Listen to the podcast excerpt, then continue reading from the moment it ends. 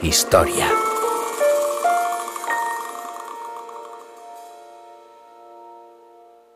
Si ara us donéssim un paper en blanc i us féssim dibuixar un grup de nens i nenes fent classe a l'escola, segurament els dibuixaríeu dins d'una aula amb finestres i amb un pati a fora, oi que sí? Doncs ara imagineu-vos que aquest pati de fora, en comptes de ciment, fos de terra i estigués ple de vegetació i arbres. Us imagineu que les classes es fessin en aquest pati en comptes de dins l'edifici? Us imagineu que la vostra aula fos a l'aire lliure al mig del bosc? Doncs això va existir. I a més va existir aquí, a Catalunya. I avui coneixerem la directora d'aquesta escola tan especial. Una dona que durant tota la seva vida es va preguntar com havia de ser l'escola ideal per als nostres infants. Una dona que abans de posar-se a treballar de mestra va viatjar molt, moltíssim, per veure quines idees podia agafar dels mestres de les escoles d'altres països. Una dona que va fer història. Sabeu com es deia? Rosa Sensat. L'any 1873, al Masnou, hi va néixer una nena, filla d'un capità de vaixell i d'una brodadora. De nom li van posar Rosa. La Rosa era una nena molt desperta i curiosa i tenia una gran facilitat per aprendre coses noves i per això els seus pares la van portar a l'escola abans d'hora. Era molt bon estudiant i ja de ben petita va decidir que quan fos gran, ella també voldria ser mestra, per ensenyar coses als nens i les nenes. Imagineu si era bon estudiant que als 10 anys la seva mare ja li va buscar un professor particular perquè la preparés per l'examen d'ingrés a l'Escola Normal de Barcelona. No us penseu que hi havia escoles anormals, eh? Però així es deia el centre on els futurs mestres aprenien l'ofici, l'Escola Normal.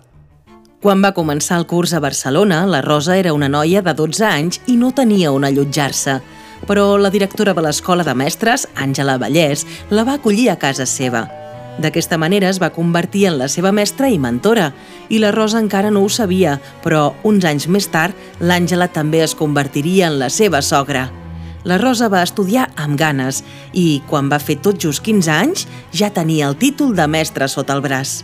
Enhorabona, Rosa, ja tens el títol superior de mestre. Ja pots començar a treballar de mestre. No, encara no. Per què no? Perquè fins ara he après tot el que m'han pogut ensenyar a Barcelona, però m'agradaria saber com treballen els mestres d'altres llocs. Vull seguir estudiant. I això és el que va fer. Després de Barcelona, va seguir els estudis de mestre a Madrid, a l'Escuela Central de Magisterio. En tornar de Madrid ja li van demanar que comencés a treballar i la van destinar a una escola del Masnou i després a Girona, sempre al parvulari. Estàs contenta, Rosa? Quan eres petita volies ser mestra i ho has aconseguit.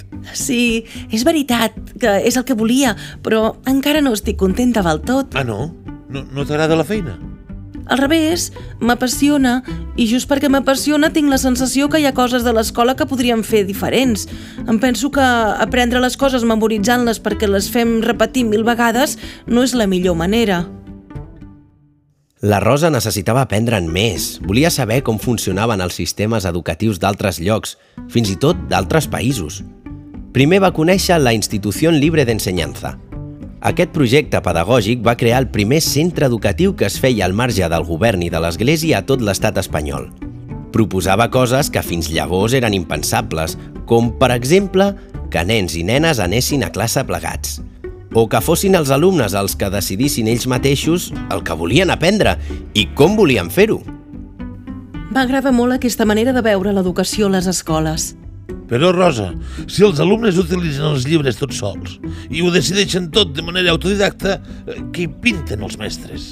Els mestres tenim una funció molt important. Hem de mantenir viu l'interès dels nens i nenes, motivar els seus pensaments i ensenyar-los a raonar. Ah. Però la Rosa no en tenia prou amb aquells canvis volia descobrir nous mètodes educatius d'altres racons del món, així que se'n van estudiar a l'Institut Rousseau de Ginebra, a Suïssa. Allà va aprofitar per conèixer de prop les noves propostes pedagògiques que hi havia en marxa en diverses escoles europees. Li encantava veure que hi havia mètodes tan diferents dels que ell havia viscut quan era petita. Quan va tornar de Ginebra, va guanyar una plaça de mestre a l'Escola Normal d'Alacant. El 1903 la Rosa ja tenia 30 anys i es va casar amb David Ferrer i Vallès. Aquest empresari i polític, com ja us hem avançat, era fill d'aquella mestra que l'havia acollit a casa seva a Barcelona. Un cop casats, la parella es va instal·lar definitivament a Barcelona i un any després va néixer la seva filla Àngels. Amb la filla tan petita, va decidir aturar tota aquella falera per viatjar i descobrir escoles i sistemes educatius d'altres països i es va quedar treballant a l'Escola Sant Martí de Provençals durant 3 anys. Després va ser mestre de l'Escola Unitària de la Diagonal. Li agradava molt fer de mestre, com també li agradava fer de mare. Però hi havia una coseta que li feia pessigolles per dins. Tornar a viatjar. Rosa, però si ja saps quins sistemes educatius tenen els altres països. Però cada any surten idees noves i mètodes nous. N'he sentit a parlar d'alguns a Europa que els trobo genials. Doncs escriu-los una carta, demanant-los que t'expliquin com ho fan. No pas. Com millor s'aprenen les coses és vivint-les. Me'n vaig cap a Alemanya. Dit i fet.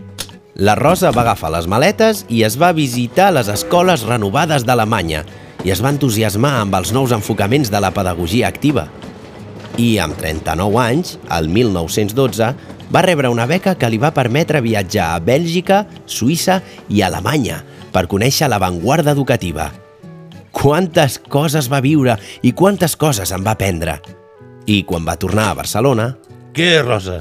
Suposo que deus estar contenta de tornar a casa després de tant moviment. I més que s'han de moure les coses. Catalunya necessita una bona sacsejada. Què vols dir? Aquest país necessita una nova escola que sigui motor de canvi. Catalunya ha de fer una renovació cultural. I aquesta reivindicació la va portar al 1914 a dirigir la nova escola municipal del Bosc, impulsada per la Mancomunitat i instal·lada al Parc de Montjuïc. I sabeu per què es deia així? Perquè era el bosc i moltes activitats i classes les feien a l'aire lliure. Era una escola que seguia les idees de l'escola nova i era el primer centre de casa nostra que basava els seus mètodes en el contacte amb la natura. Així volien despertar millor els interessos i les inquietuds dels infants. Us imagineu anar a una escola així? A més, els mestres creien en l'aprenentatge actiu i estimulant a través del joc i l'activitat física. Eren classes a l'aire lliure, fes el temps que fes. Si feia més fred, els alumnes anaven a l'escola més abrigats i si queia una forta tempesta i plovia a bots i barrals? En aquests casos, les activitats es feien en un pavelló cobert per aixoplugar-se. Rosa, fas bona cara. M'agrada molt dirigir l'escola del bosc. Crec que és una gran escola. I sembla que els alumnes també els va bé, oi? I tant! Respiren aire fresc cada dia. Hi havia una gran mancança de salut entre els nens i nenes. Aquí, a l'escola, cada dia els veig millor. Durant 20 anys, Rosa Sensat va ser la responsable de la secció de nenes a l'Escola del Bosc, on va dur a terme una magnífica tasca educativa. I com que era una escola que quedava al marge de la gestió de l'Estat, podia fer i desfer el que volgués. Així que a l'Escola del Bosc va posar-hi totes les idees que havia trobat bones a les escoles d'arreu d'Europa que havia visitat. A més, va usar l'educació com una eina per dignificar i empoderar les dones – era molt conscient que les obreres i treballadores del seu temps vivien una vida molt difícil i tenia clar que només millorarien la seva situació si rebien una bona educació. Calia dotar les dones de coneixements i habilitats perquè poguessin decidir què volien fer amb la seva vida. Penseu que dir això, que ara sembla tan evident, en aquella època era molt revolucionari. L'èxit del sistema educatiu de l'Escola del Bosc es basava en unes idees ben senzilles. Primer de tot, que calia respectar els nens i les nenes i també els seus interessos. Després, que el contacte directe amb la natura donava molta vitalitat als alumnes i era una gran font de coneixement. La Rosa també tenia clar que la higiene i l'educació física eren importantíssimes i, sobretot, tenia la preocupació constant perquè els alumnes milloressin dia a dia com a persones, formant-los el caràcter i educant-los amb els valors de respecte, llibertat i democràcia. I totes aquelles experiències viscudes a l'escola del bosc, la Rosa les anava recollint en un diari personal. Un diari que va estar fent durant uns 15 anys i que avui dia encara es conserva. Sabeu quantes pàgines tenia? Més de 4.000 I, a més del diari, també va escriure un llibre sobre tot allò. Rosa, estàs escrivint el diari com cada dia? No, estic a punt d'acabar el llibre. O què escrius? Una novel·la? No pas. És una crònica ulls enrere dels anys i afanys a l'escola del bosc, una memòria viva dels fets quotidians i també dels pensaments que he extret de la pràctica. Ai, a veure com es titula. Ah, vers una escola nova. Ui, quines ganes de llegir-lo! En aquell llibre escrit amb una prosa senzilla i planera, Rosa Sensat criticava amb duresa la vella escola, que era autoritària i repressora. Explicava que els mestres no havien de ser els protagonistes a les aules. Els protagonistes havien de ser els infants. Les relacions entre mestres i alumnes havien de ser de companyonia, de simpatia sincera i cordial. Mai obligar, sempre aconsellar o suggerir. I jugar, jugar molt. A través del joc és molt més fàcil educar. Però no perden el temps quan juguen? No, no he cregut mai que fos perdre el temps que els infants es lliuressin al joc. El joc, juntament amb el treball, són indispensables per a l'educació. Després dels anys a l'Escola del Bosc, Rosa Sensat va ser directora del grup escolar Milà i Fontanals a Barcelona, des del 1930 fins al 1938. Era un gran centre adreçat a l'educació de la infància de Ciutat Vella, un dels barris més humils de Barcelona. I va portar els seus plantejaments renovadors i va instal·lar una cultura del treball en equip per part dels mestres. Així va aconseguir que l'activitat dels nens tirés endavant l'escola. Després de la Guerra Civil, amb la victòria dels insurrectes franquistes, la van obligar a jubilar-se. Però no només això, no? La dictadura es va carregar tot allò que la Rosa i els seus companys mestres havien aconseguit i van tornar a fer una escola vella, autoritària, grisa i ben poc humana.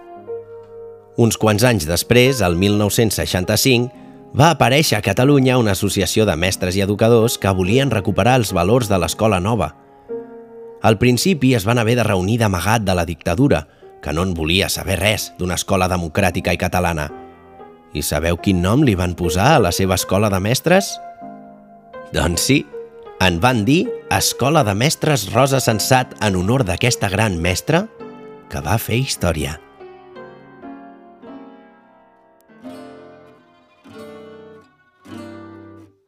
Si vols conèixer més sobre Rosa Sensat, entra a petitsapiens.cat. Endinsa't en la seva història amb els jocs interactius que trobaràs al web. Van fer història, un podcast de petits sàpiens Produït amb el suport de la Generalitat de Catalunya.